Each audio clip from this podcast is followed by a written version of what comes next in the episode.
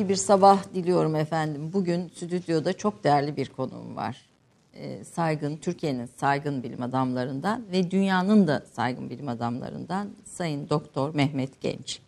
Ee, bir bilim adamı ama bir akademisyen e, aynı zamanda fakat akademik kariyerini e, bilim aşkına, bilime olan sevgisine e, öncelemiş e, birisi. Bilim daha doğrusu bilime olan sevgisini akademik kariyerine öncelemiş bir değerli bilim adamı. Biz tabii program başlamadan önce sohbete başladık. Bu e, süre zarfında bile inanın çok değerli şeyler öğrendim. E, Mehmet Genç'i daha yakından tanımanın da ötesinde aslında onun Türkiye'ye açacağı ufku, bilgiyi e, sizinle paylaşmak istiyorum Türk Kahvesi'nde bugün. Efendim hoş geldiniz, Teşekkür lütfettiniz. Ederim. Televizyonlara çıkmadığınızı biliyorum. Çok az televizyona çıkıyorsunuz. O yüzden bu programı kabul ettiğiniz için de ayrıca çok çok teşekkür ediyorum Türk Kahvesi ekibi adına ve e, TVNet adına. E, efendim kahvenizi e, Türk kahvesinin bilim bilimsel çalışmada yeri var mıdır? E, tabii ki kahvenin kahveyi ilmiye erbabı İslam kültürüne tanıttı ilk defa. İlmiye el, erbabı. İlmiye tabii. E, Mısır'da başladı. Mısır'da ulema ulema, ilim her zaman çok çalışmayı gerektirir. Gece gündüz uykudan fedakarlık etmeyi, uykusu geldiği zaman o uykuyu dağıtmak için kahveyi keşfettiler. Kahve e, uykuya karşı önemli bir ilaç olarak ilmiye kullandı. Sonra 1550'de kanuni zamanında İstanbul'a geldi. İstanbul'daki ulema kahve şer'i midir değil midir diye tartıştılar. Kahve çok kavruluyor. Onun için onu şer'i e, şeye yasağa dahil sayanlar oldu. E, bir nevi e, siyahlaştırıldığı için. Ama neticede bu tartışmalar bitti ve çok kısa zamanda 16. yüzyılın e, ortalarından sonra kahve benimsendi. Yaygın şekilde imparatorlukta ve bütün İslam aleminde kullanıldı. E, yabancı Avrupa'dan gelen seyyahlar e, Türkiye'de, İstanbul'da gördüler. Dediler ki Türkler yemekten sonra siyah sıcak bir su içiyorlar. Çok güzel, mideyi rahatlatıyor, hoş bir su. Ama bu kadarla kaldılar. Avrupalılar kahveyi ancak 17. yüzyıldan sonra benimsediler. Özellikle 2. Viyana'da e, çok kahve içtiler Osmanlılar. Tonlarla kahve. Mesela e, Osmanlı e, şeylerinin e, yönetim kadrolarındaki efendilerin, beylerin e, günlük kahve tüketimi bizim burada bir senede, bir ayda yaptık tüketimden daha fazlaydı. E, Merzifonlu'nun ordusunda çuvallarla kahveyi ele geçirdiler e, Avusturyalılar. Ondan sonra kahve yayıldı, kahvehaneler filan. Açıldı. Evet. Ee, Osmanlı ekonomisi içinde kahvenin Osmanlı ekonomi sistemi ekonomisi içinde... içinde kahvenin e, rolü tabii ki var. E, kahve Yemen'den geliyordu. E, Habeşistan kaynaklı Yemen'den e, önce Kahire'ye geliyordu. Oradan hem Avrupa'ya ihraç ediliyordu hem İstanbul'a geliyordu. İstanbul'da İstanbul halkı da çok kahve tüketiyordu. E, rakam da verebilirim. İstanbul'un nüfusu diyelim 17-18. yüzyıllarda 500 e, ila 1 milyon arasında 600 bin, 450 bin o civarda idi. Ama senede bin ton kahve kullanılıyordu. 1 milyon yani e, nüfus başındaki bebekler de dahil 2 e, kilogram, 2 iki, iki buçuk kilogram kahve kullanılıyordu. Ee, şimdi o hesaba göre Türkiye'de mesela İstanbul'da 40-50 bin ton kahve tüketilmesi gerekir ki sanmıyorum o kadar, o kadar çok. Olsun. Evet. E, bu, bu bilgiye hangi kayıtlarda ulaştınız efendim? Yani bu bu bu rakamlar yazılı mı? Bu rakamlar, 17 tabii 18. ki, bu yüzyıl. rakamlar Osmanlı arşivindeki bilgilerden. Ee, Osmanlılar bir kere o kahveyi çok tüketiyorlardı sarayda ve bürokraside ve ilmi her grup insan. Ee, onun için Yemen'den Kahire'ye gelen kahvenin Avrupa'ya gitmesine izin vermiyorlardı. İhraç yasağı vardı yani. Kahveye ilişkin. Evet. Ve İstanbul'a, İstanbul'un ihtiyacından ve imparatorluğun ihtiyacından fazlası satılıyordu. Avrupalılar 17. yüzyılda benimsedikten sonra çok talep ettiler. O zaman ihraç yasakları konuldu. Onun üzerine Avrupalılar şeylerde e, Amerika'da ve Asya'daki adalarda kahve üretimine başladılar. Frank kahvesi dedikleri. E, ondan sonra e, kahve şeyleri fiyatları da düştü. İhraç yasakları yerine ithal edildi dışarıdan. Ama Osmanlılar o ithal edilen kahvelere çok itibar etmediler. Yemen kahvesi hep çok önemli oldu. İki misli, üç misli fiyata satıldı. Onu daha çok tükettiler. Daha çok tükettiler. Ee, Osmanlı arşivlerinde kaç yıl e, Osmanlı arşivlerinde Osmanlı çalıştınız? arşivinde e, maalesef bitmiyor. Çünkü e, Osmanlı arşivi dünyanın affedersiniz en zengin arşivlerinden biri. Belki Osmanlı arşiv gibi, gibi dünyada 10 kadar arşiv vardır. Çin, İngiliz, papalık, e, Rus arşivleri gibi. E, arşivimizde son genel müdürün söylediğine göre 100 milyon belge ve 400 bin defter, büyük boy ciltler, 400 bin. Ee, bütün devraldıkları veya muhafaza edilen, bunun henüz yarısı tasnif edilmiştir.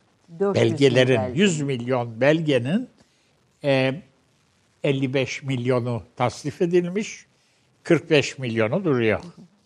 Defterlerin ise büyük çoğunluğu tasnif edilmiş 350 bin ama 50 bin cilt defterde duruyor. Onlar yapılıyor. Tasnif devam ediyor. Tasnif devam ettikçe yeni bilgiler çıkıyor. Onun için ömür boyu arşivde Evet, 40, çalış. 40 45 yıldır 40 40 Tabii tabii. Evet, şimdi biraz arşiv uzağa düştüğü için seyrek gidiyorum ama gene gidiyorum.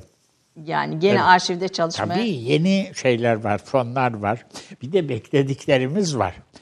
Osmanlı e, katipleri, bürokratları e, çok iyi kaydediyorlardı. Çok enteresan kayıt sistemleri vardı. Ve şimdi kahveyi sordunuz mesela.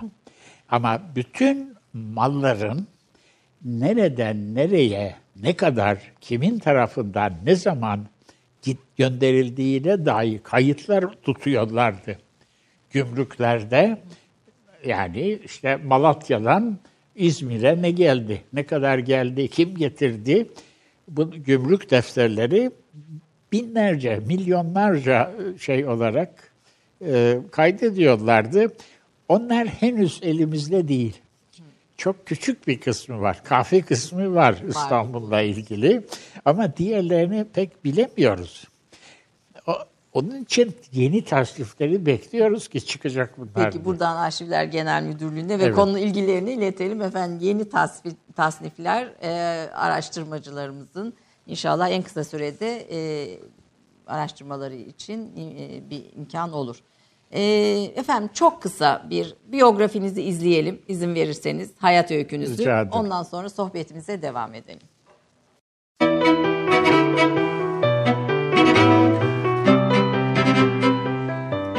Bir bilgin, bilgi adam.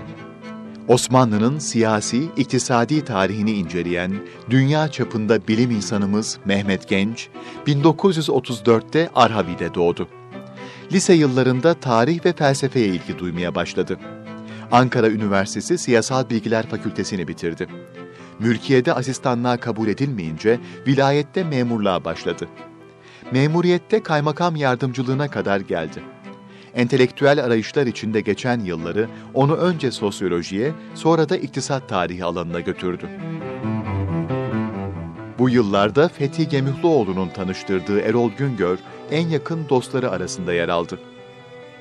1960'ta girdiği İstanbul Üniversitesi İktisat Fakültesi Türk İktisat Tarihi Enstitüsü'nde İktisat Tarihi Asistanı olarak Ömer Lütfi Barkan'ın yanında çalıştı. Osmanlı'nın neden bir sanayi devrimi gerçekleştiremediği sorusuyla başladığı doktora araştırmaları tez süresini aştı. Akademik ünvanı bir tarafa bıraktı, Osmanlı arşivlerine girdi. 10 yılı aşkın bu alanda çalıştı. Osmanlı'da sanayinin durumunu araştırırken Osmanlı vergi kayıtlarını içeren ciltlerin içine daldı. Geleneksel tarih yazıcılığıyla bağını koparmadı tarih ve sosyoloji sentezini temsil etti. 1983-1999'da öğretim görevlisi olarak Marmara Üniversitesi Fen Edebiyat Fakültesi'nde İktisat Tarihi ve Tarih Metodolojisi dersleri verdi. 1985-1988 yılları arasında TRT'de danışman olarak çalıştı. 1996 yılında İstanbul Üniversitesi tarafından Sosyoloji ve Metodoloji alanında ilk şeref doktorası Mehmet Gence verildi. Tek bir alanda derinleşerek çalışmayı tercih eden Mehmet Genç, bilgiye meftun bir bilim insanı olarak hayatını sürdürdü. Osmanlı İktisadi Dünya Görüşü'nün temel ilkeleri ve devlet ve ekonomi isimli makaleleriyle tarih biliminde yeni bir kapı araladı.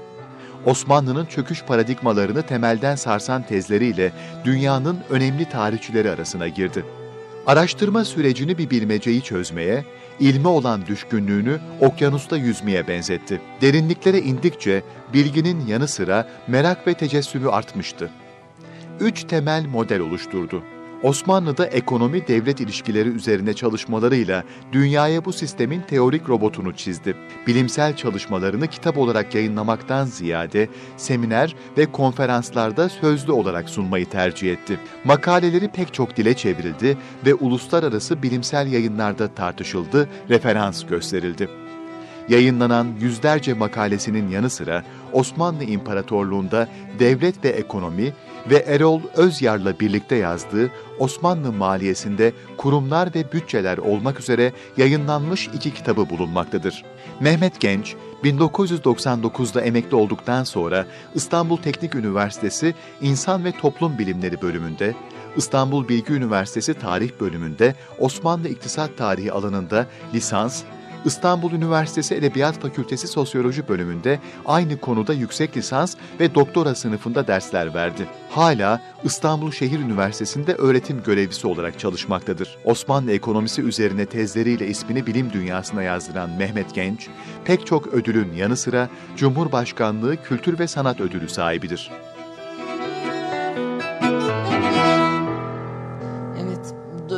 Dolu bir hayat ama tek bir konu. Yani bu, bu, bu kitapta özetlenmiş bir konuya e, odaklanmış bir hayat. Ee, tek kitabınız değil mi hocam? Evet, ikinci bir kitabı hazırlıyorum bunun çapında. Fakat henüz bitmedi o. Evet. Bu e, kitap 18 kez basıldı. 10 15 kere. 15 15 15, 15, 15 evet. kez basıldı. Fakat e, programdan önce konuşurken bu çok da iyi bir şey değil dediniz. Çok da iyi bir şey değil tabii. Evet. Ee, yani inşallah iyi de olabilir. Ee, yani çok genel Geniş. Yani bu kadar çok basılmasını, hani popüler kültür unsuru haline gelmesini kastederek e, söyledi hocam. Evet. Evet, evet.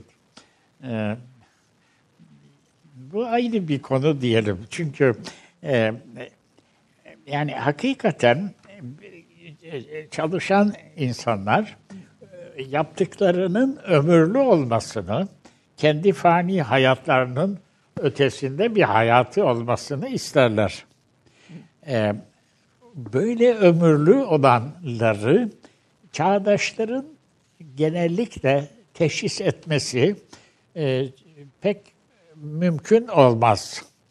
O sebepten e, öldükten sonra e, tanınan çok önemli yazarlar var.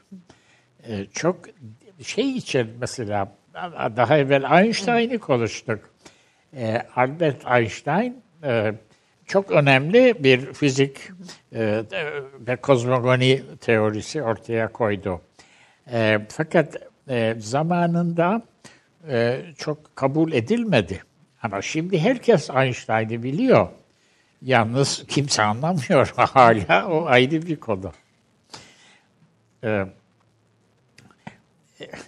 yani değerli olanı e, geniş kitlelerin kabul etmesi e, çok nadir olan bir şey. Çok zor olan bir şey. Şimdi benim kitap 15 kere basıldı. Herhalde bir 20-30 bin satıldı. Ve muhtemelen bir kitap için bir 5 veya 10 emsaliyle 20-30 bin insan okudu. Aa ne güzel filan dedi belki. İşte o bunun lehine bir şey değil. Ömürlü değil de yaşadığı sürece e, kabul gören bir eser gibi anlıyorum ben. Evet.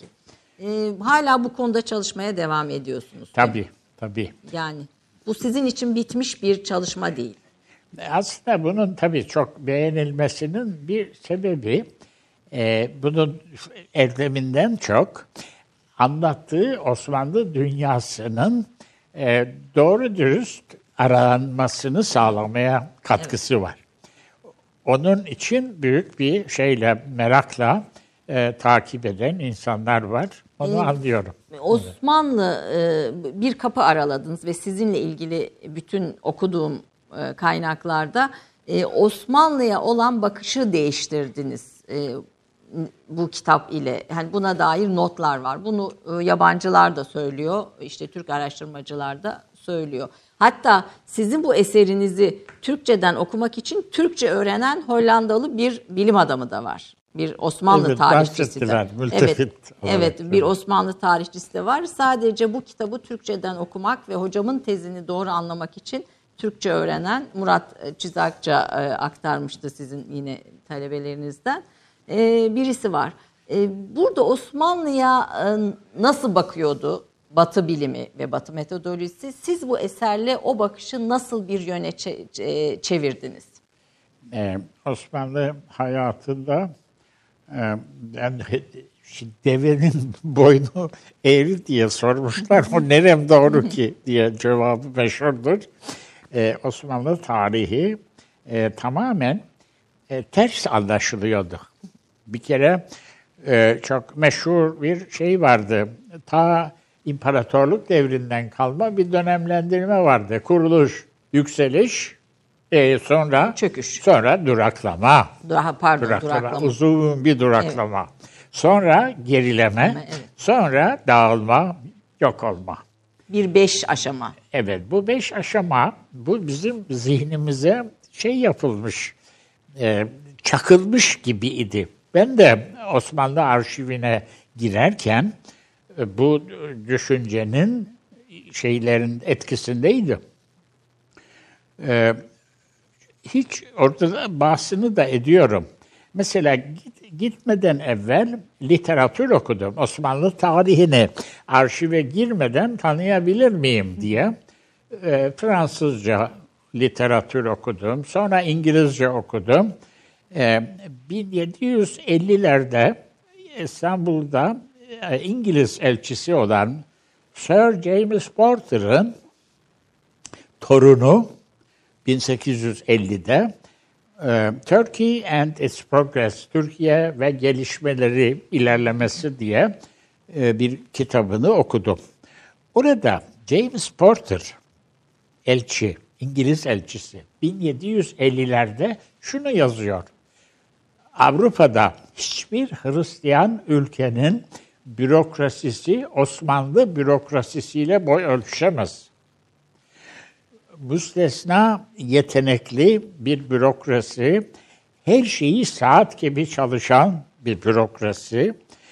Bunlara siz herhangi bir ferman, hüküm, emir, yazı neyse sadece tarihini söyleyin. Çıkar. Ne kadar eski olursa olsun bir gün içinde bulur, size kopyasını verirler diye yazıyordu. Ben onu arşive girmeden evvel okudum. Bu İngiliz'i kandırmışlar herhalde dedim. Bu gerileme çağında Osmanlı 18. yüzyıl aydınlanma çağı şeyin Rousseau'nun, Montesquieu'nun, David Hume'un, Emmanuel Kant'ın yaşadığı bir dünyada Büyük Friedrich'in Prusya'sı 16. Louis'nin Fransa'sından bürokrasi daha iyi olacak imkansız dedi. Bu İngilizce herhalde ama adam Türkçe öğrenmiş. 16 sene kalmış. Türkiye'de. Sonra mecburen arşive girdim ben. Bu literatür yetmedi. Arşive girince o bürokrasinin eseri olan belgeleri incelerken o zaman şeye hak verdim. İngiliz Ee. Sir James Porter az bile söylemiş. Muazzam yetenekli, başarılı, hızlı, mükemmel saat gibi çalışan bir bürokrasi bu 18. yüzyılda. 19'da da böyle. 19'da sayıları arttı. İş hacmi çok büyüdü. Biraz yavaşladı işler. Ama 18 ve 17'de son derece hızlı çalışıyordu. Şöyle diyelim, mesela Basra'dan bir köylü bir dilekçe gönderdi İstanbul'a. Oradan 3 ay, 4 ayda geliyordu o zamanın şeyiyle, Ulaşımı. hızıyla. Ama İstanbul'a gelir gelmez o dilekçe bürokrasiye gidiyordu ve bürokraside e, Osmanlı'nın e, İstanbul'da e, 20-30 kadar ayrı bürolara ayrılmış gayet karmaşık bir bürokratik organizasyonu vardı. O dilekçenin talep ettiği konularına göre bu büroları bazen iki, bazen on büroyu dolaşarak e, problem hallediliyor ve cevabı yazılıyordu. Onların bir haftayı geçmediğini gördüm ben. Birçok büroyu bir iki günde dolaşıp bütün o bürolardaki o konuyla ilgili kay- kayıtların 50-300 seneye kadar geri giden kayıtları çıkarıp kağıda döküp bir hafta içinde soruyu halledip cevabı gönderdiklerini gördüm, hayret ettim. Üç ayda gelir, bir haftada işi biter, tekrar yola çıkar. Altıncı ayda cevabı alırlardı Basra'dakiler. İmparatorluğun neresinde olursa olsun yani uzak. İmparatorluğun şöyle bir özelliği var. Ee, Osmanlı reayası, Osmanlıların çok hızlı büyümelerinin bir takım sebepleri var. Tamam, askerleri çok iyiydi, orduları güçlüydü. Onlar çok iyi bakılıyor, eğitiliyordu. Fakat e, yönetimin bazı, bazı erdemleri de vardı. Bir kere Osmanlı reayası o 14. 15. yüzyılda çoğu feodal, yarı köle idi fethettiği yerler. Onların hepsini hür ilan etti. Osmanlı reayası hürdür. Reaya padişaha doğrudan dilekçe verme hakkına sahiptir. Nerede olursa olsun. Basra'dan, Belgrad'dan, Budapeşte'den kalkıp gelip divanda padişaha sunabilir. Bu hakkı vardı. Ama tabii oradan kalkıp İstanbul'a gelmek hiç kolay değildi. Şey değil, tabii. Şey bile, dilekçe bile 3-4 ayda gelebiliyordu. O zaman bulunduğu bölgede görevli, yetkili kadılara, naiplere şeyini sunur, sunardı, arzusunu ve o dilekçeyi İstanbul'a gönderirdi. Osmanlı reayasının padişaha ulaşma hakkına e, şey yapmayan, riayet etmeyen yönetici kim olursa olsun çok ağır şekilde cezalandırılırdı. Onun için e, reayanın bütün talepleri mutlaka padişaha gelirdi. İyi veya kötü şikayet. Evet ve bunların hepsine mutlaka cevap verilirdi. Benim orada gördüğüm Osmanlı arşivinde bu. Osmanlı arşivine girdiniz ve o belgelere dayanarak oradan yola çıkarak Osmanlı'ya tabii. e, Osmanlı'ya e, başka bir e, analiz, başka bir bakış mümkün diyerek bir tez ortaya koydunuz. Çok özetle aslında e, Osmanlı'da bir duraklama, gerileme dediğimiz o dönem e, başka bir şey miydi ve niye sanayi devrimi yapamadı ya böyle çok özet bir cevap Tabii, alabilir miyim? tabii. Yani üzerine Evet, tezler evet, yazılmış, tartışılmış bir konuyu burada hani çok kısaca bir şey. Sanayi devrimini yapmasına tabii imkan yoktu. E, çünkü Osmanlıların e, insana, ekonomiye, topluma, dünyaya bakışları kapitalistler gibi değildi. E, Batılıların e, kapitalizminde insanların ihtiyacı değil, e, ancak ekonominin ihtiyacı evet. önemlidir. Birinci derecede herkes ekonominin emrinde çalışır. Evet. Osmanlılar ise insanlara yaşanabilir bir dünya sağlamaktı. E, bu çok basit gibi görünüyor, çok zordu. E, çok bir kere verimlilik çok düşüktü. E, Osmanlı'nın hakim olduğu dünya da çok böyle verimli toprakların bulunduğu bir alan değildi. E, ancak kıt kanaat yaşayabilirdi insanlar. O kıt kanaat yaşamayı herkese yaymaya çalıştı Osmanlılar. Onun için orada birikim yapıp da büyük Kapital. şeyler e, sermaye biriktirip de e, ekonomiyi dönüştürme imkanı olamazdı. Avrupa'da da kolay olmadı. Yani kapitalizm diyelim 15. yüzyıldan itibaren benimsendi, gelişti e, ve ne yaptılar? Amerika'yı keşfettiler bir kere.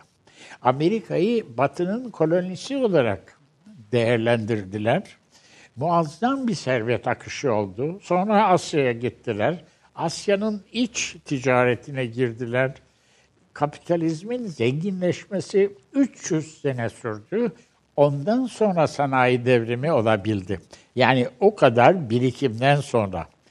O birikimin muadili de geniş kitlelerin çok büyük ızdırap ve sefalet çekmeleriyle ancak mümkün oldu. Şimdi mesela Osmanlı İmparatorluğu'nun e, merkezi İstanbul, diğer İzmir, Ankara gibi şehirlerine ziyarete gelen e, yabancılar, Batılılar hemen bunların hepsi Osmanlı dostu değil. Hatta hiçbiri değil.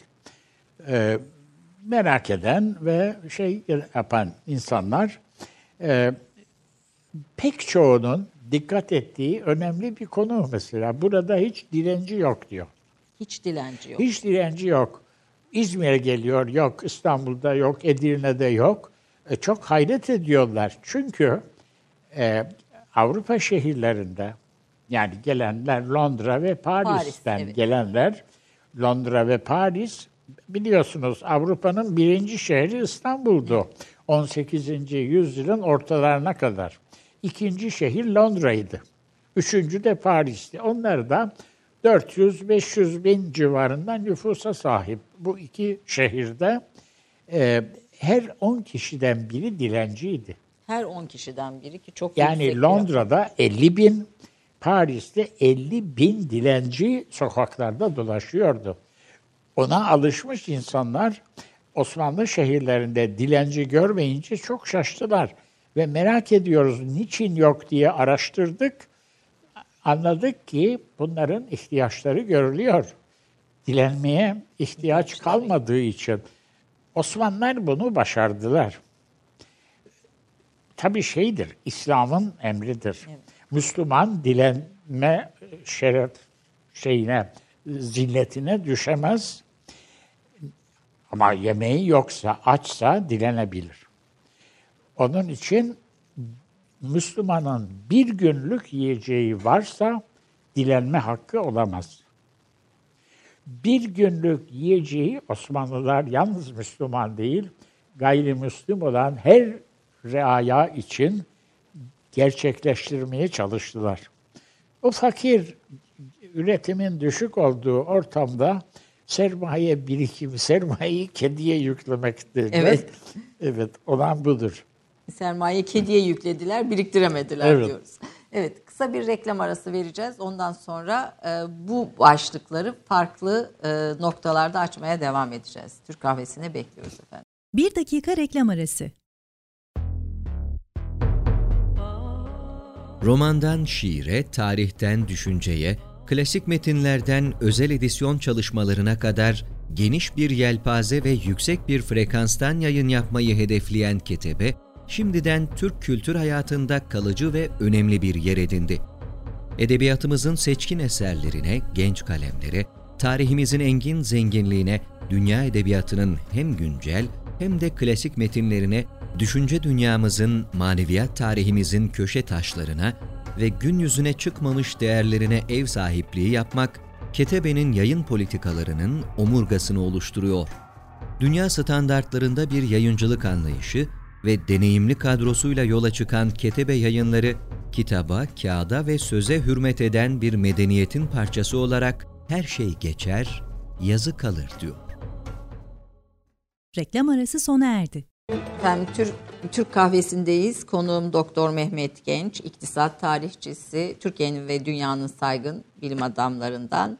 Ee, biz bu reklam arasında konuşmaya devam ediyorduk. Ba- Batı'nın sömürgecilikle birlikte biriktirdiği kapital ve serveti üstünden. Ee, aslında tabii temel sorumuz Osmanlı neden sanayileşmeyi başaramadı, sanayi devrimini başaramadı sorusuyla yola çıkmıştık hocamın tezinden. Hocam e, buna örnek olarak anlatıyordu. Evet elbette Batı başardı ama diyordu. Devamını başardı izleyicilerimizle ama, paylaşalım. Onun insani e, maliyeti çok yüksek oldu. Geçmişte çok yüksek oldu. Gelecekte ne olacağını henüz bilmiyoruz. E, ama e, tabii çok büyük başarı. E, bu büyük başarı insanlar arasında e, farklılığı yerleştirerek e, zenginle fakir arasındaki uçurumu artırarak başardı Batı. E, çok küçük bir grup e, kitlelerin sefaletine rağmen e, zengin olmayı hukuki garanti içinde sağladılar. E, bu sayede e, uzun vadedeki birikim sonucu bildiğimiz muazzam şeyler oldu. E, ama milyonlarca insanın e, sefaleti içinde bu gerçekleşti. Biraz evvel konuştuk, dilenci 10 kişiden birinin dilenci olduğu. E, açlıktan insanların öldüğü bir dünya idi. E, kapitalizm onlara çok fazla itibar etmeden yolunda devam etti ve onun kazanımları e, bütün insanlık için e, çok da büyük oldu. Yani geçmişte milyonlarca insanın, bunlar yalnız fakirler de değil, onu da hemen hatırlayalım. Zenginler de, kapitalistler de çok ızdırap çektiler. Kapitalizm e, acımasız bir rekabet ortamı içinde e, serveti olanların da çok kere iflas, intihar, hapis, mahkum. Mesela matbaayı icat eden Gutenberg şeyde e, e, hapishanede sefalet içinde öldü. Ve birçok kapitalistin çektikleri ızdıraplar var. Ama ondan sonra e, 20. yüzyıldan 19. yüzyıldan itibaren kapitalizmin kazanımları geniş kitlelerin refahını arttırdı. Refahı, nüfusu arttırdı. Şu anda dünyanın nüfusu 8 milyar civarında. Biraz az biraz çok. E, insanlık bundan 12 bin sene evvel, 10 bin sene evvel ilk ziraatı yaptı. İlk büyük devrim kendisi bitki ve hayvanları yetiştirmeye kalktı. Onu yapıncaya kadar dünyanın nüfusu, tabii o zaman nüfus sayımı olmuyor ama çeşitli e, metotlarla 2 ila 20 milyon arasında insan yaşadığı kabul ediliyor. En fazla 10-15 milyon büyük ihtimalle milattan evvel 9. 10. bin yılında. O tarihten sanayi devrimi 1800 yılına kadar 1 milyara yaklaştı. 800-900 milyondu 1800'lerdeki insanlığın nüfusu. Ortalama ömür de çok düşüktü. Sağlık. Ve yok. çok ölüyorlardı insanlar.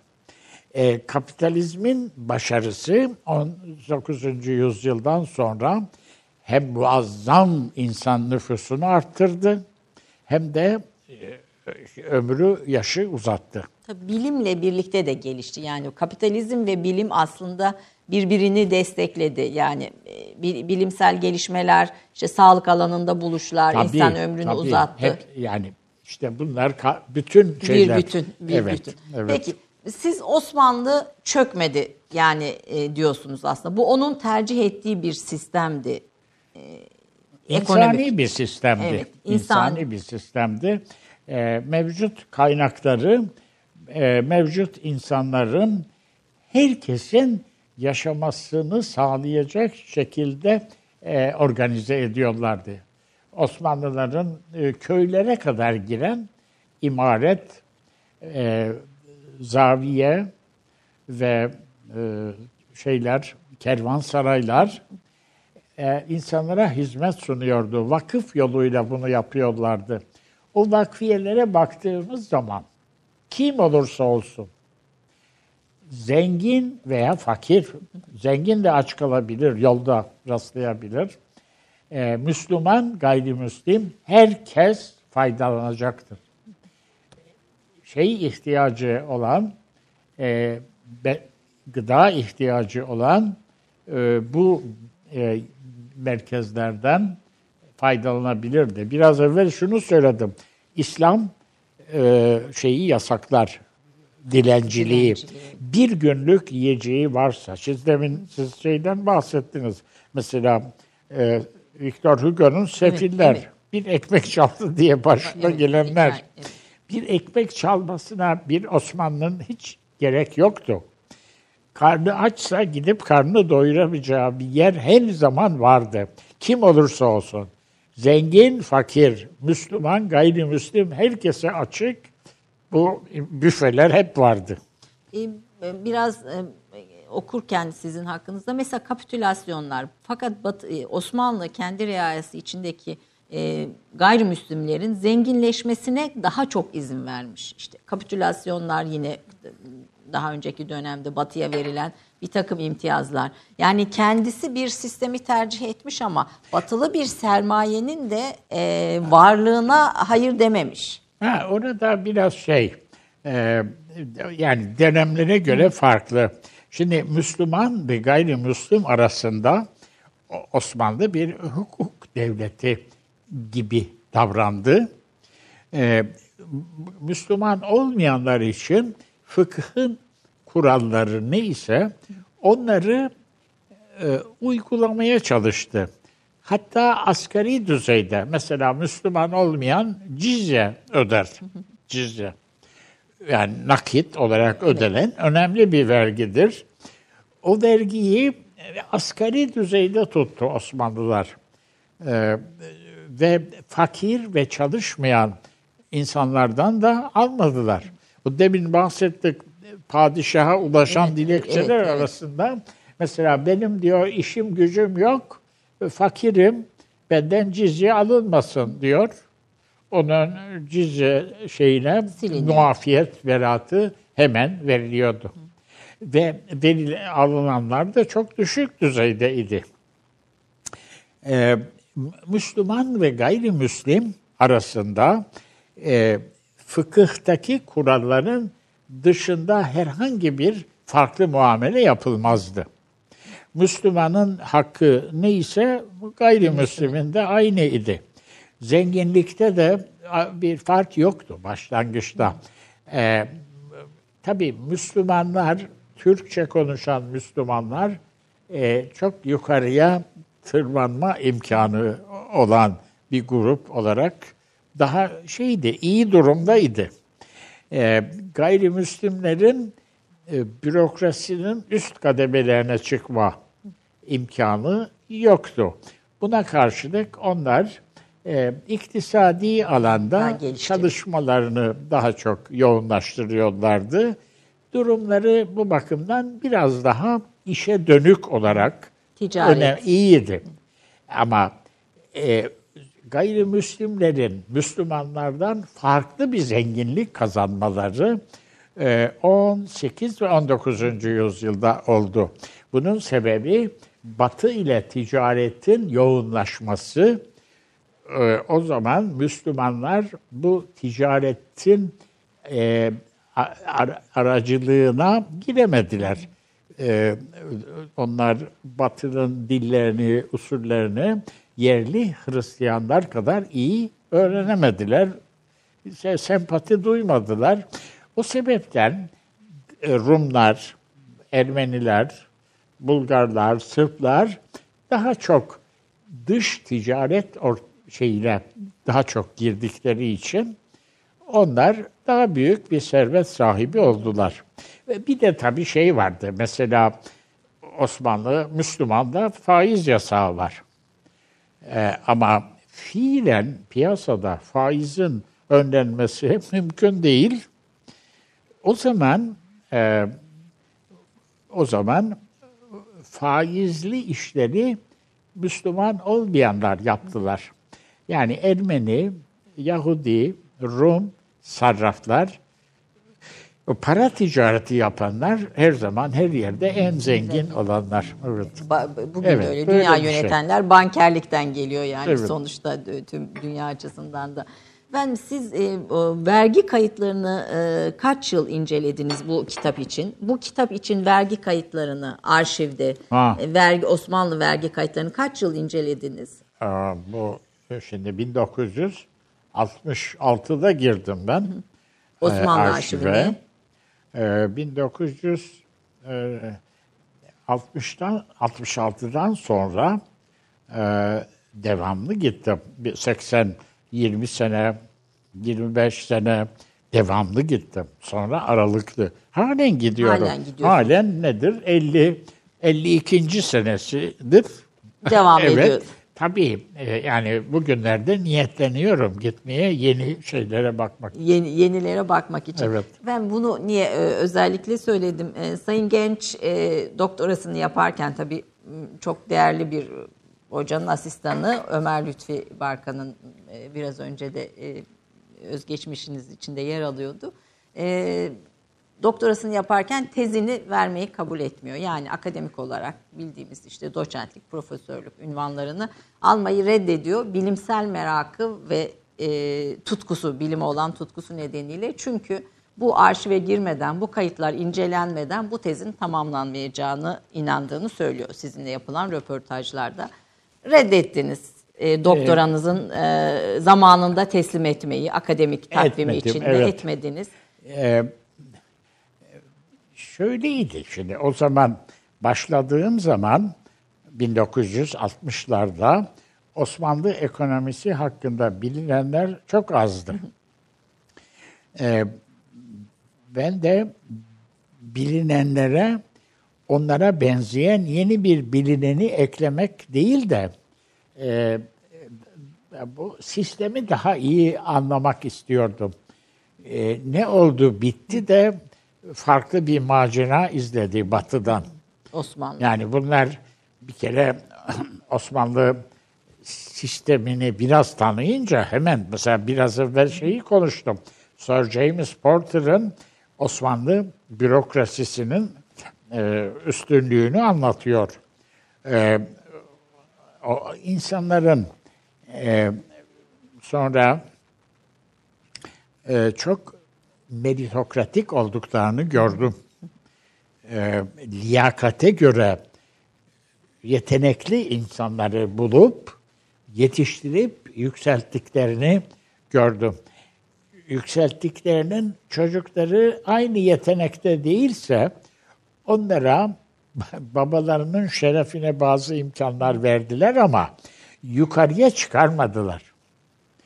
Ee, böylesine meritokratik, liyakate dayanan sistemdeki insanlar, bu zeki insanlar, Evet. yani 15. Yani vasat yüzyılda olan insanın yükselme şansı yoktu Osmanlı'da diyorsunuz. çok vasat parlak zeka. zekalılar. Ancak dahileri yükselten bir sistem. Bu 19. yüzyılın sonuna kadar böyleydi. Bunun en basit şeyi, örneği de milli mücadeleyi yapan adamlar. Evet. Yani Mustafa Kemal Paşa, İsmet Paşa, Fevzi Paşa, Ali İhsan Paşa, o paşalara baktığımız zaman onların bir kısmı e, fakir halk çocukları ama çok yetenekli insanlar. Onları alıp bulup yetiştirip yükseltebilen bir sistem. Bu zeki insanlar e, batıda olup bitenlere hiç bakmadılar, anlamadılar mı? Ne oldu da batıdan tamamen farklı bir macera izledi İzlediler. Osmanlı sistemi. Bunu anlamak istiyordum ben. Bunu anlamak için e, şeyin ön sözünde anlattım. E, şeylere başladım E, ama hemen hiçbir monografi yoktu. Yani hiçbir monografi olmadan sadece belgelere, ilkel kaynaklara dayanıp e, teori ortaya koymak çok zor. E ne olacak? Herkesin yaptığı ya yapabileceği gibi e, sıradan bir şey yazıp şeylerini, kademelerini geçmek vardı. Onu yapmak istemedim. Batılı kaynaklar e, da böyle mi? Yetmedi. Batılı kaynaklar yetmedi. Osmanlı kaynaklarını kullandığımız zaman o kaynaklardan şimdi mesela sistemi anlatan bu kitabın içinde 15 sayfalık bir e, şey var, bilim var. Osmanlı iktisadi sistemini e, özetleyen. O 15 sayfayı ben tam 10 senede yazdım. 15 sayfayı 10 senedeyiz. 15 sayfa için tam 10 sene gece gündüz çalıştım. Ha, yazdıktan sonra okuyan yarım saatte öğrenebiliyor ama o konuda hiçbir monografi yokken bunu yapmasaydım e, o zaman e, çok tatminsiz olacaktım. Şimdi- Onun için şeyi bıraktım. Akademik, Akademi. kariyeri. Şimdi şöyle bir parantezle ben izah edeyim efendim. Hocam çok da mütevazi. 15 sayfa e, için 15 sayfayı 10 senede yazdım diyor. Ee, Sayın Genç hakkında yazılmış pek çok tez, pek çok araştırma var hem yurt içinde hem yurt dışında. Ee, Onlarda Sayın e, Genç'in e, Türkçesi üzerine ayrı bir bahis var. Çok dikkatimi çekti. Kurduğu her cümleyi bir duvar gibi tanımlıyorlar. Yani o kadar sağlam, o kadar muhkem ki bir her cümle o cümlenin üzerine bir başka bilgi, o bir başka bilgi duvara geliyor. Yani e, si- sizin teziniz açısından ve tek bir e, fazla kelime yok. E, tek bir anlatımda başka bir yöne çekilecek bir Evet, cümlede yok. Ve Türkçenizin çok özel olduğuna ilişkin tezlerde ve kendisi hakkında yazılan bütün yazılarda e, notlar var. İşte bu nedenle bir Hollandalı bilim adamı da Sayın Genç'in bu kitabındaki bu Türkçeyi Lütfediyorsunuz. e, anlamak noktasında e, Türkçe öğreniyor. Yani burada bu 15 sayfayı böyle değerlendirin. Yani bu aslında 15 sayfa, 10 yılda yazılan 15 sayfanın her bir cümlesi bir duvar kadar e, sağlam, muhkem e, ve Ama tabii o 15 sayfa için belki 1 milyon sayfa gözden geçirdim. Yani o fikirlere ulaşmak çok zahmetliydi. Düşünmek. Çünkü Osmanlılar bu çok zeki adamlar. Ee, hiç anlaşılmaz şeyler yapıyorlardı. Ee, akıl ve hafsalanın almayacağı kadar garip işler yapıyorlardı. Şimdi onların ayrıntılarına Evet. e, pek girmiyoruz. Mesela diyelim e, Avrupalılar, kapi- mer- kapitalist, merkantilistler e, ihracat fazlası için uğraşıyorlar. İhracatı teşvik ediyorlar. Daha çok üretelim, daha çok, Çok satalım, satalım. ve ona karşılık daha az alalım ve para biriktirelim diyorlardı. Osmanlılar tam tersini yapıyorlar. İhracatı engelliyor, sınırlandırıyor, yasaklıyor. İthalata gelsin diyor. Ne varsa gelsin. Şimdi bu ne deli gibi görünüyordu. E, Bunları anlamak ve daha birçok şeyleri, e, saçmalıkları, yani mesela faiz yasak. evet. Batı'dan baktığımızda saçma aslında. Batı'dan, baktığımızda yani saçma. Batının Ama kendi içinde mantık. Bütün düşünce şeyimizi veriyor. E, yapımızı veriyor. Ve Batı neticede de başarılı olduğu için onun yanlış yapabileceğini düşünmek kimsenin aklına gelmez. Ee, Osmanlıların o aykırılıkları pek çoktur. O makalede biraz anlatıyorum, başka yerlerde de. E, Bu e, yani bu kitap bunların hepsini zaten e, bir, bir şekilde anlatıyor değil mi? Evet, Bütün evet, bu- o bir- 15 bir sayfa bile yeterli diyorsunuz. Evet. O 15 sayfa ciddi okunduğunda bütün bunları anlatıyor. E, peki bu aykırılıkların sebebi olarak e, ne koyuyorsunuz ortaya? Bir e, Osmanlı'nın teorik ro- robotunu çizdim. Sistemin teorik robot, robotunu çizdim Evet. diyorsunuz bu, bu Evet. kitapla aslında. E, burada e, bu aykırılıkların sebebi olarak ne koyuyorsunuz? Bunun sebebi şudur. Ee, kapitalistler söyledim biraz evvel. İnsan ekonomi içindir diyorlar. Bu, bu cümlede özetliyorsunuz. Osmanlılar ise hayır. Ekonomi insan içindir. İnsana hizmet etmelidir. Affedersiniz. Ee, ihracatı yasaklıyor. Çünkü gayet rasyonel bu. Bir kere ulaştırma son derece pahalı. Yani siz e, malınızı satacaksınız, başkasından mal alacaksınız. Marsilya'dan, Londra'dan mal gelecek. Onun üzerine sigorta, nakliye binecek ve pahalı bir mal alacaksınız. Buna karşılık e, şeyden kendi ürettiğiniz şeyi göndereceksiniz. Kendi ürettiklerinizi tüketmeyi, refahı artırmak için birinci derecede önemli buldular. Yani kendi ürettiklerini Kendi tüketmeyi. üretiminizi şimdi şöyle mesela temel ekmek. Şimdi kimse yemiyor ekmeği ama ekmek önemli bir şeydi. Üretim. E, Besleyici idi.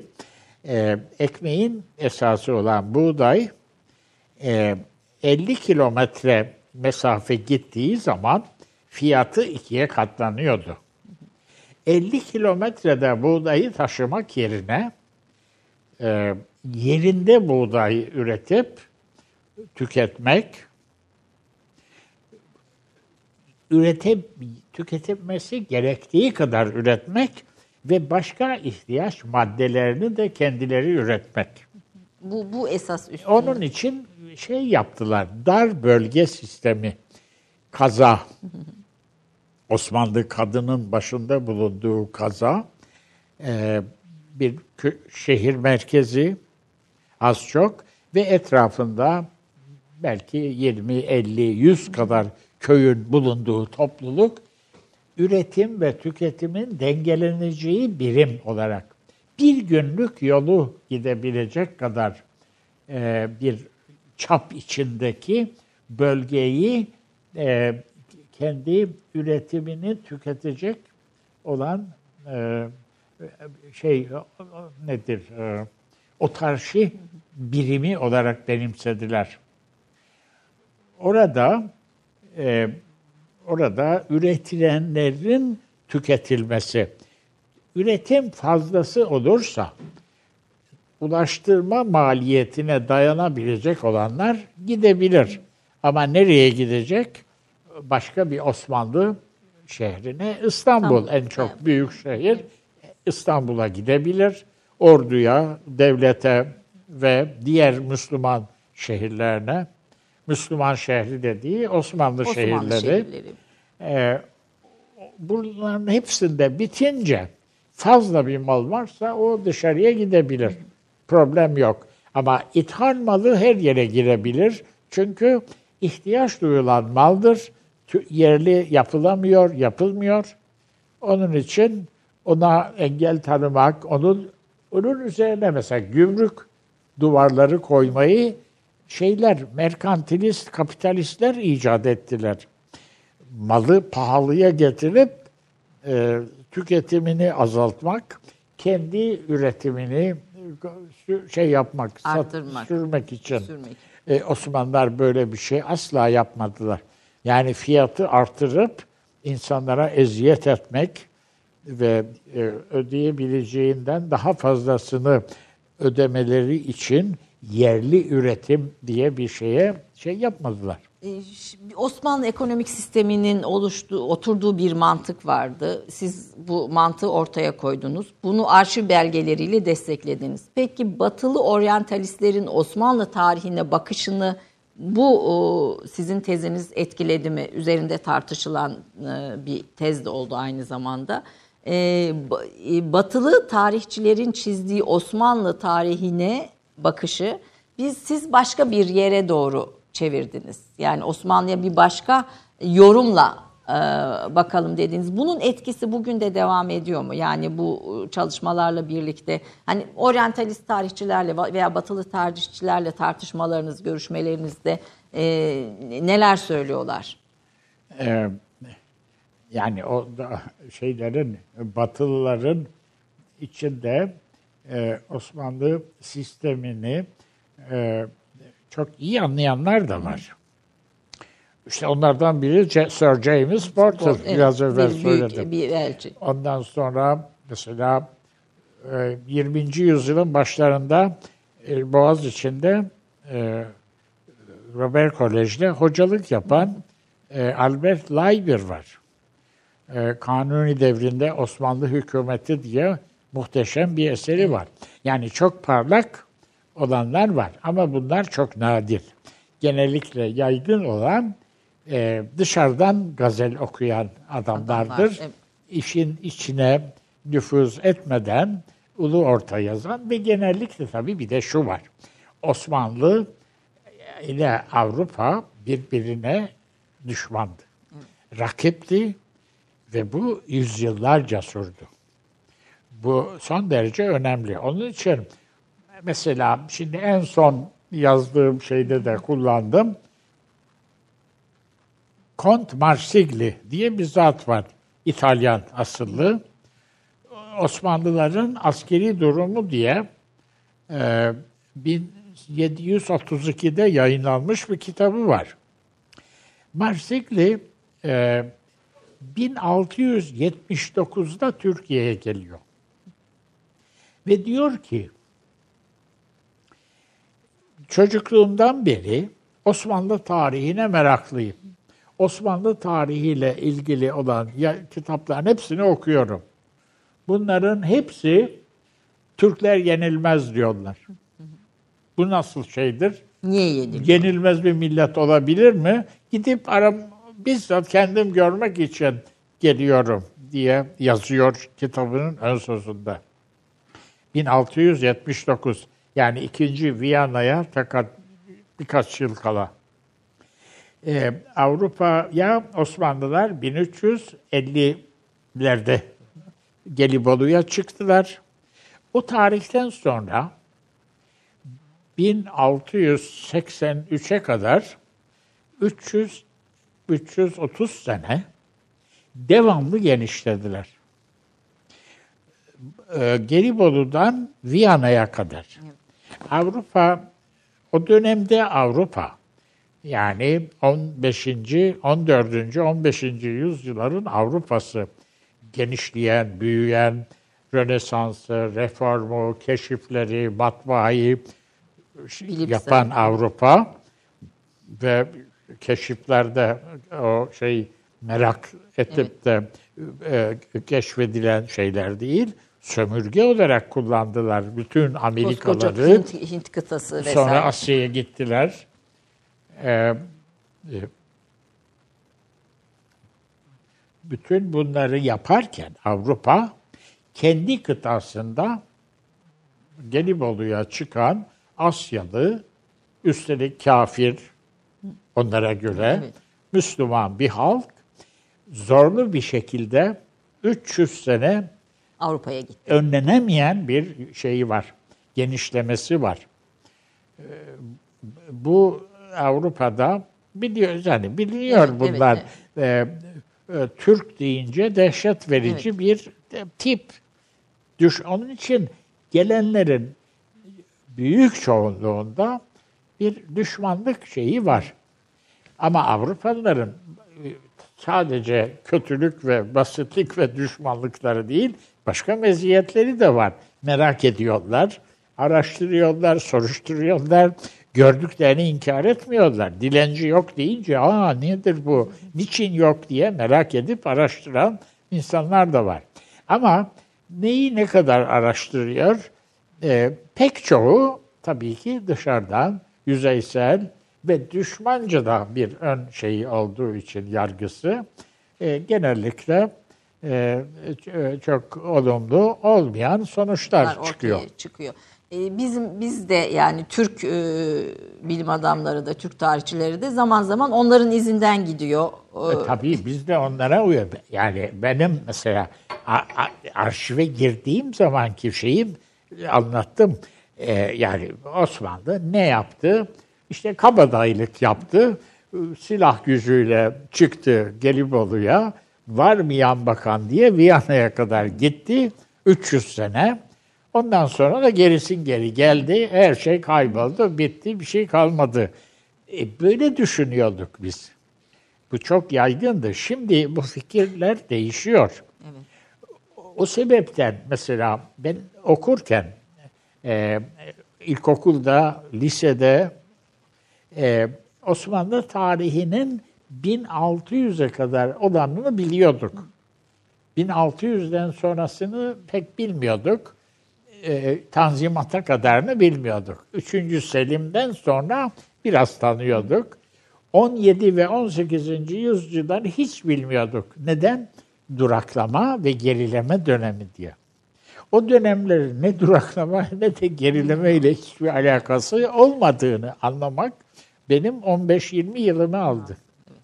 Bir, e, bilim merakıyla tabii bu, bu bir bilim merakıyla tabii burada bir bilimsel bir ön yargıyla gitmediniz yani burada siz e, bu araştırmayı yaparken e, araştırdığınız konu sizi buraya getirdi gördüğüm kadarıyla yani bütün bu bulduğunuz verilerle buraya geldiniz. E, doğru ama tabii kendi şeyimiz bu. Kendi tarihimiz. Ha işte burada milli şuur. Kendi geçmişimiz. Evet. Kendi geçmişimizin bu kadar başarısız olması bize ağır geliyordu. Yani, evet. Bu, yani bunu, so, bunu bir medeniyeti medeniyeti bitirdik. Başka bir medeniyet dairesine girdik. Yani benim liseden itibaren şey yapan, meşgul eden problem bu idi. Bu medeniyeti nasıl değiştirdik? Niçin değiştirdik? Nerede hata yaptık? Ee, onu araştırırken e, tabii o zaman işin doğrusunu bulmak, kendimizi kayırmak değil de Başka anlamak. bir medeniyet dairesine girdik mi peki? Başka bir medeniyet dairesine girdik mi? Yani şu anda ya eski medeniyetimizden Osmanlı'dan evet, izler taşıyor muyuz?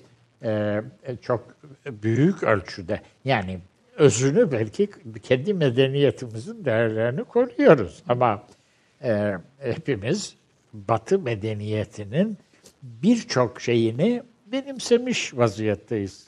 Kıyafetimiz, sizin kıyafetiniz evet, tam dahil, değil mi? Tabii. Yo, benimki de öyle sonuçta e, yani. Her şeyimizle, e, saatimizle, her şeyimizle e, ama e, ruhumuzla yani, benimsemeyelim tabii. Ruhumuz, ruhumuz ruhumuzu muhafaza ediyoruz.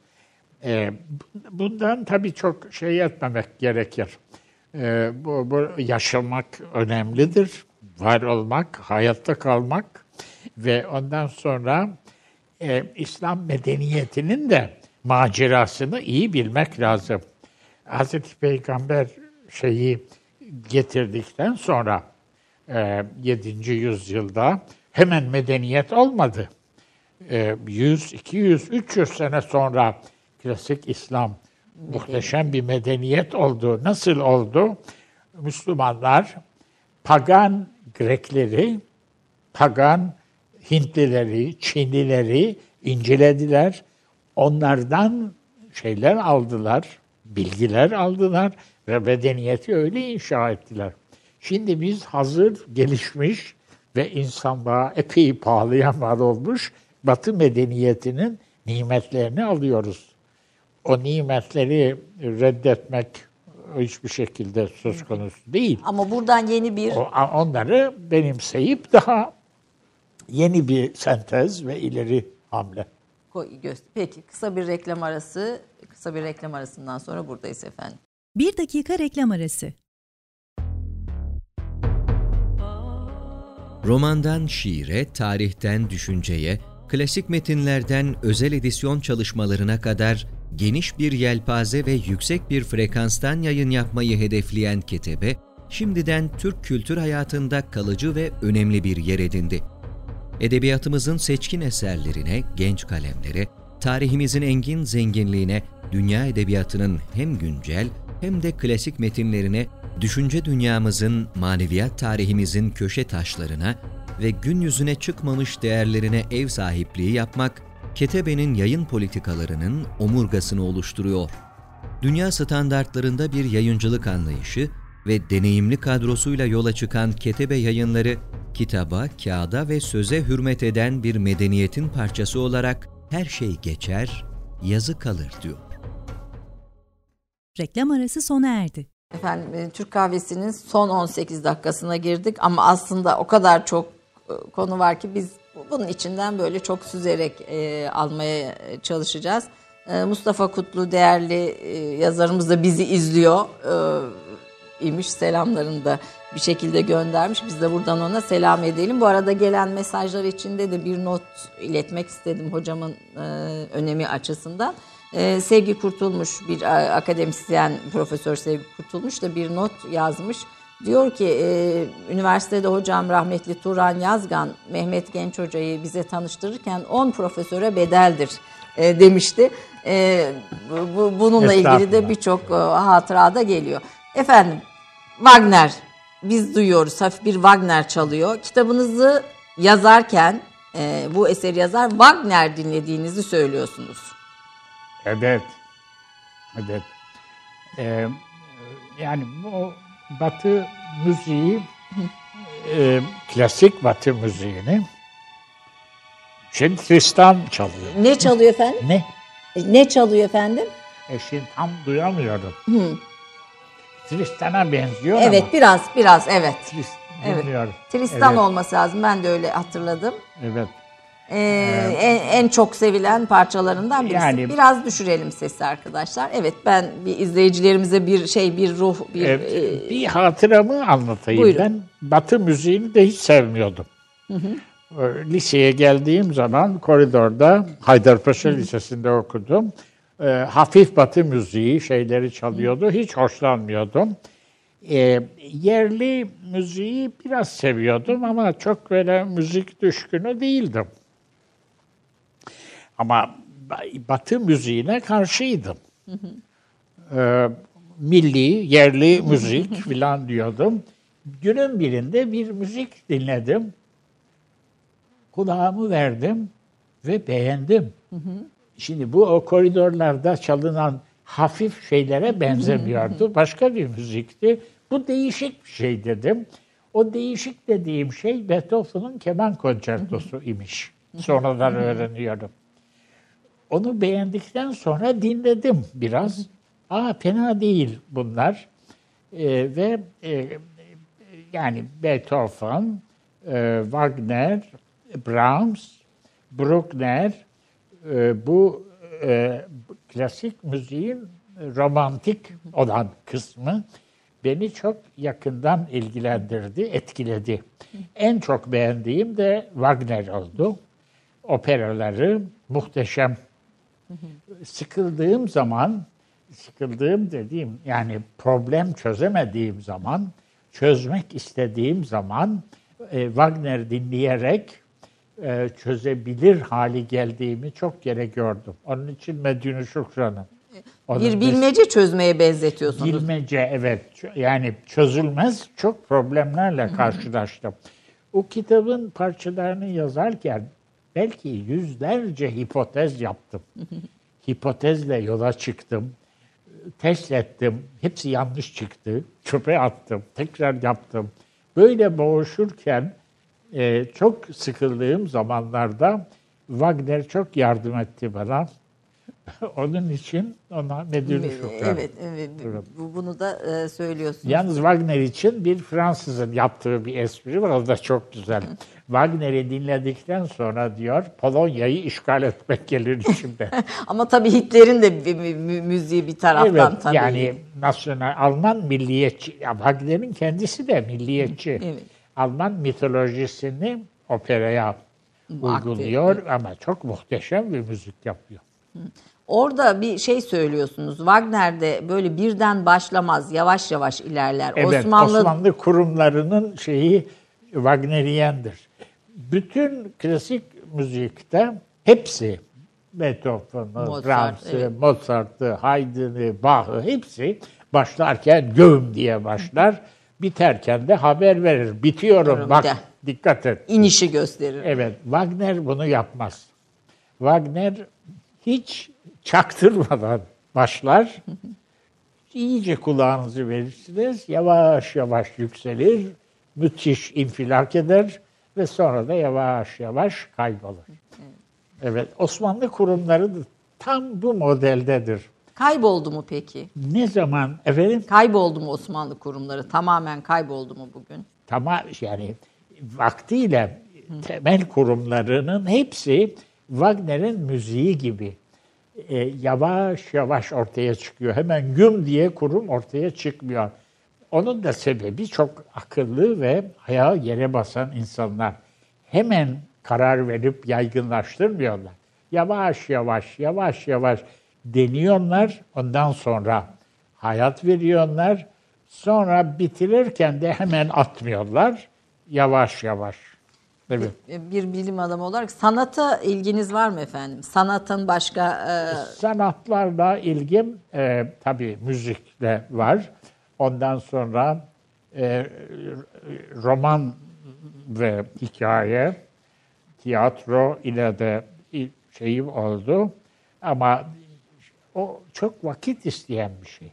Bu ilimle uğraşmak, araştırma insanın bütün zamanını alıyor.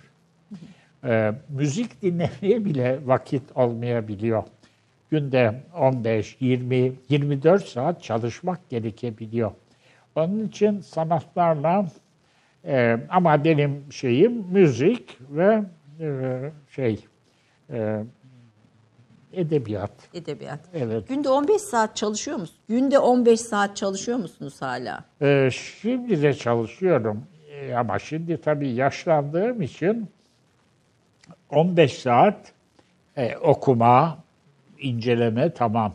Ama yazmak için e, 5, 6, 8 saati geçemiyorum Evet. maalesef. Efendim e, biz davet ettiğimizde Sayın Genç bir e, takdim yazısı üzerine çalıştığını söylemişti. Rusya üzerine bir takdim yazısı üzerine çalışıyor. Hiç vaktim yok demişti ve aslında o çalışmayı bırakıp Türk kahvesine bir e, ara vermiş oldu. Bize kahve içmeye bir ara vermiş oldu. Rusya üzerine çalışıyorsunuz. Ee, Türkiye Rusya, üzerine değil şu anda. Osmanlı Osmanlı tarihinin e, sosyal ilim bakımından önemli problemleri üzerinde bir şey yapıyorum.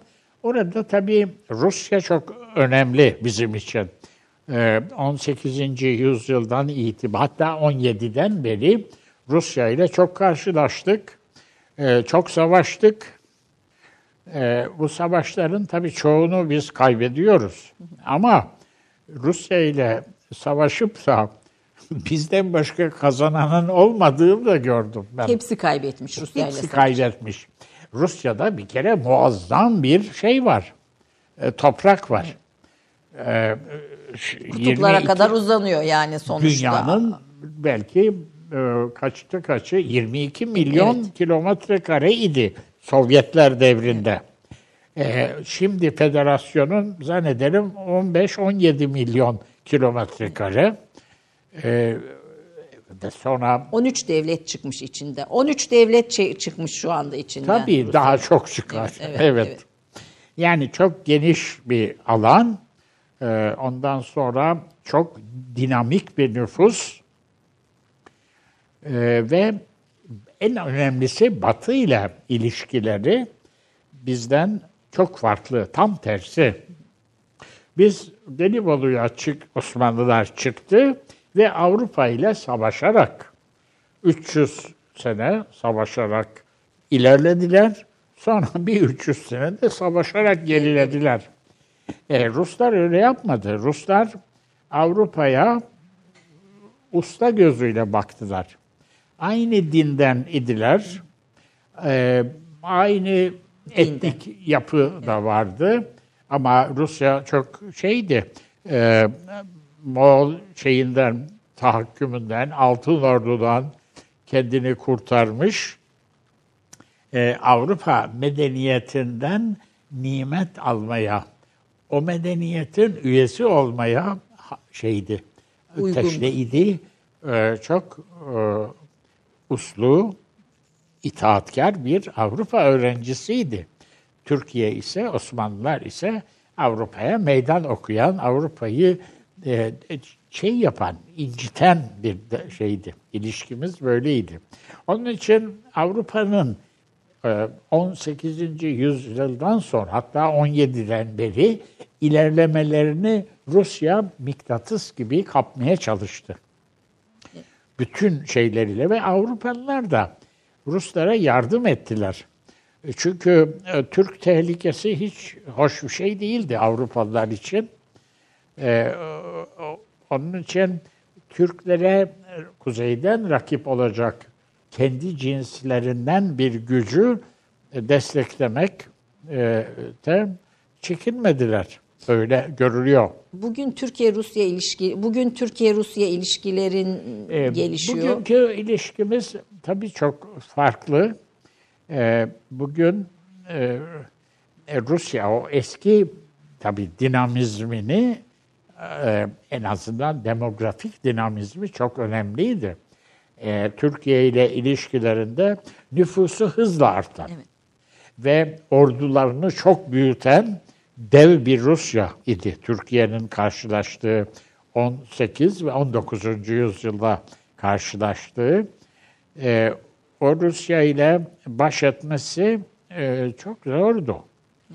E, ama e, Osmanlı yöneticileri e, Rusya'nın gücünün büyüklüğüne rağmen direnme iradelerini hiçbir zaman e, kaybetmediler, hafifletmediler bile. Sonuna kadar direndiler. E, kolay bir şey olmadı, lokma olmadı Ruslar için. Onun için mesela yaptığımız savaşların çoğunu Ruslar kazandı. Ama o savaşların hepsi onlara e, çok pahalıya mal oldu. Hiç kolay, Türkler çok kolay e, şey olmadı, e, yem olmadı. Onun için çok yazdılar. E, Şimdi en son işte şeyin e, Şirokor'un e, bir Rus generali zannediyorum. Osmanlı-Rus Savaşları diye 5-600 sayfalık muhteşem bir kitabı var. Evet. Çok objektif ve namuslu gördüm ben. Evet, Türkçe'ye de Evet. çevrilmiş. Daha önce de konuşmuştuk. Evet. Efendim çok çok az vaktimiz kaldı ama siz ilim yapmak için e, evlenmediniz de. Ee, Yani evlendim hayatınızı ben, evlendim. iki kere evlendim. Ee, fakat evlenmek şey zor. Ee, yani çok uygun bir eş olması lazım. Bu ilim yapan adam çekilmez bir adamdır. Neden? Yani e, devamlı çalışması lazım. Ha, devamlı çalışmazsa ilim kaybolur gider. Yani öyle sohbet edecek, ondan sonra şeylere, toplantılara gidecek, misafir kabul edecek bir hali yok. Bir nevi şey gibi, derviş gibi bir hayat. E, onu kadınlar için çok kolay olmuyor. Bunu kabul edecek insanı e, bulmak benim için pek olmadı. Onun için yalnız devam yani ettim. bu şöyle bir tartışmaydan ilim adamı e, yani evlilik veya işte eş veya neyse aile bir ilmi çalışmayı engelleyen mani olan bir şeydir aynı zamanda gibi çıkar bir sonuç çıkartmıyoruz değil mi? Öyle olmayabilir. Ee, yani e, şa- ilim adamının evli olması daha iyidir. Ama eşi bu 24 saat çalışmaya razı olabilmeli. Onun da bir işi olmalı. O da kendi alanında bir şeyler yapmalı. E, o şartlarda iyi bir evlilik ilim için çok iyidir. İyi bir evlilik buradan. İyi bir evlilik. Kötü bir evlilik tabii ki o herkes için çok zordur ama ilmi yok eder kesinlikle. Yok, evet. Burada böyle bir notu da düşelim. Efendim son cümleler olarak eksikliklerimiz neler? Hem üniversite hem akademik çok. camia olarak. Çok eksikliklerimiz var. Ee, bir kere e, yani bu Batı medeniyetinin birçok şeyini benimsedik. Kıyafetini benimsedik, zamanını benimsedik, sene e, şeyini e, hicri tarih yerine Evet. miladi tarih kullanıyoruz. E, fakat Avrupa medeniyetinin değerlerini de tanımak lazım.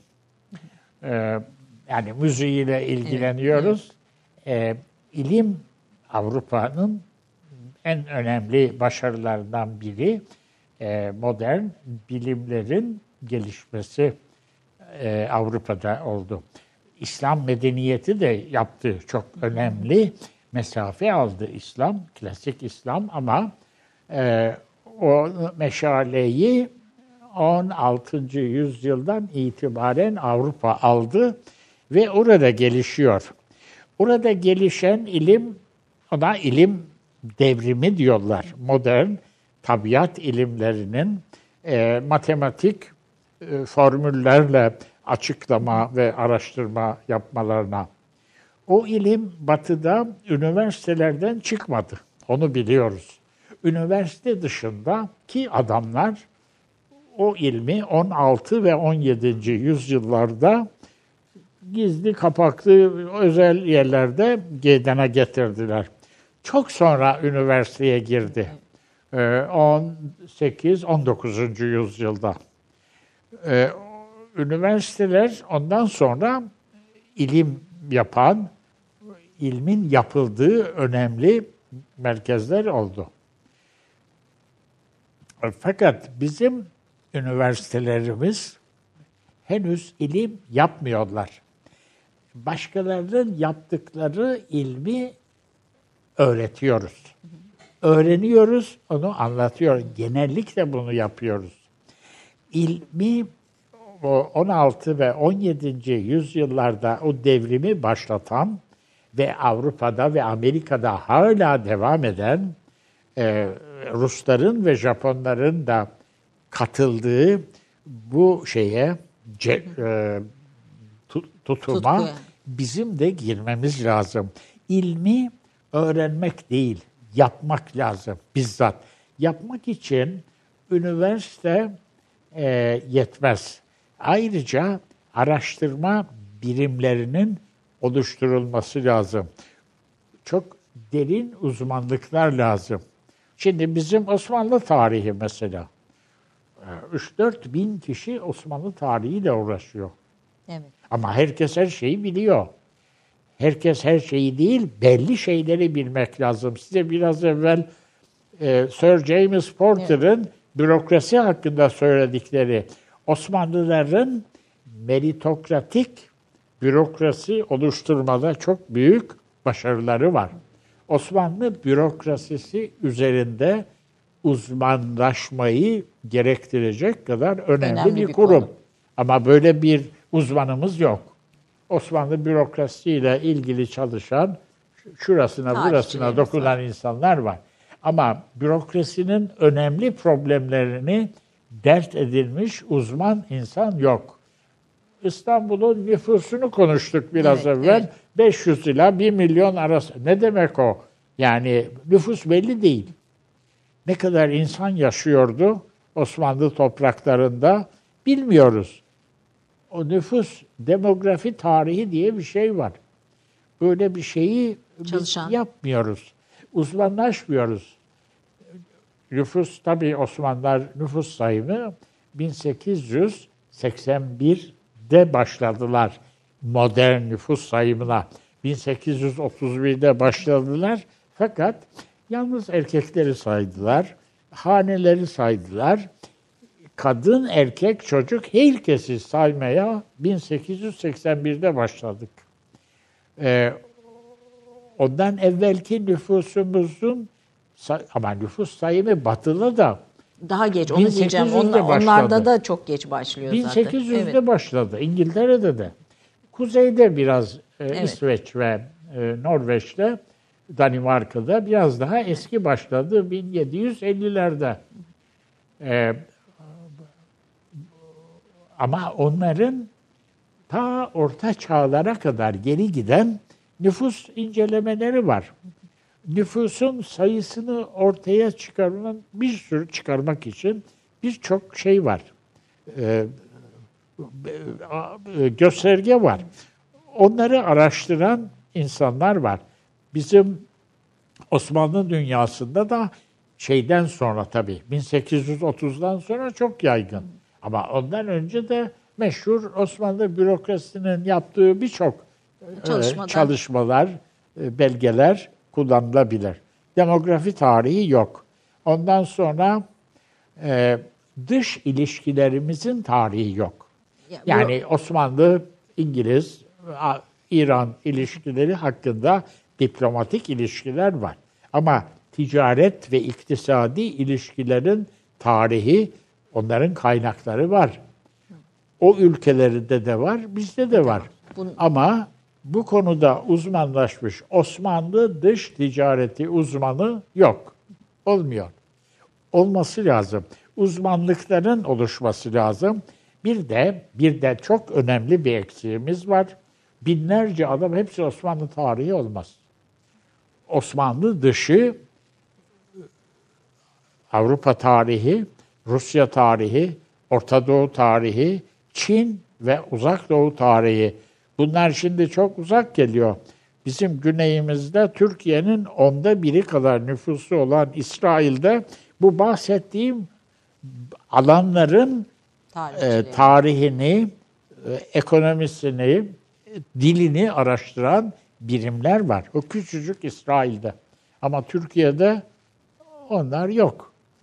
Onlar bir ilmin uzmanlıklarını iyice yerleştirmemiz ve üniversitede e, bilinenleri anlatmaktan ayrı bilinmeyenleri araştıran birimlerin mutlaka olması lazım. En büyük eksiğimiz bence bu. Evet, çok da e, önemli bir e, tavsiye. Bütün bunların hepsi inşallah değerlendirilir diyorum. Efendim çok çok teşekkür ediyorum.